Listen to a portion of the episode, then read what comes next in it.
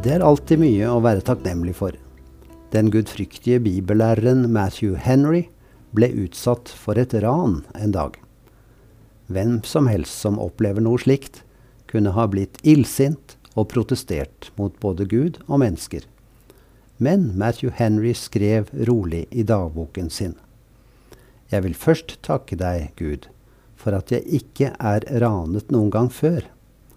For det andre takker jeg for at selv om han tok lommeboka mi, så tok han ikke livet mitt.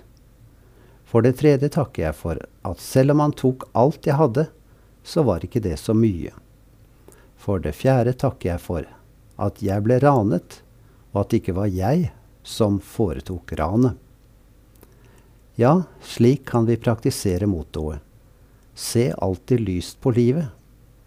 Bibelen oppmuntrer til at vi alltid takker Gud og Faderen for alle ting i vår Herre Jesu Kristi navn.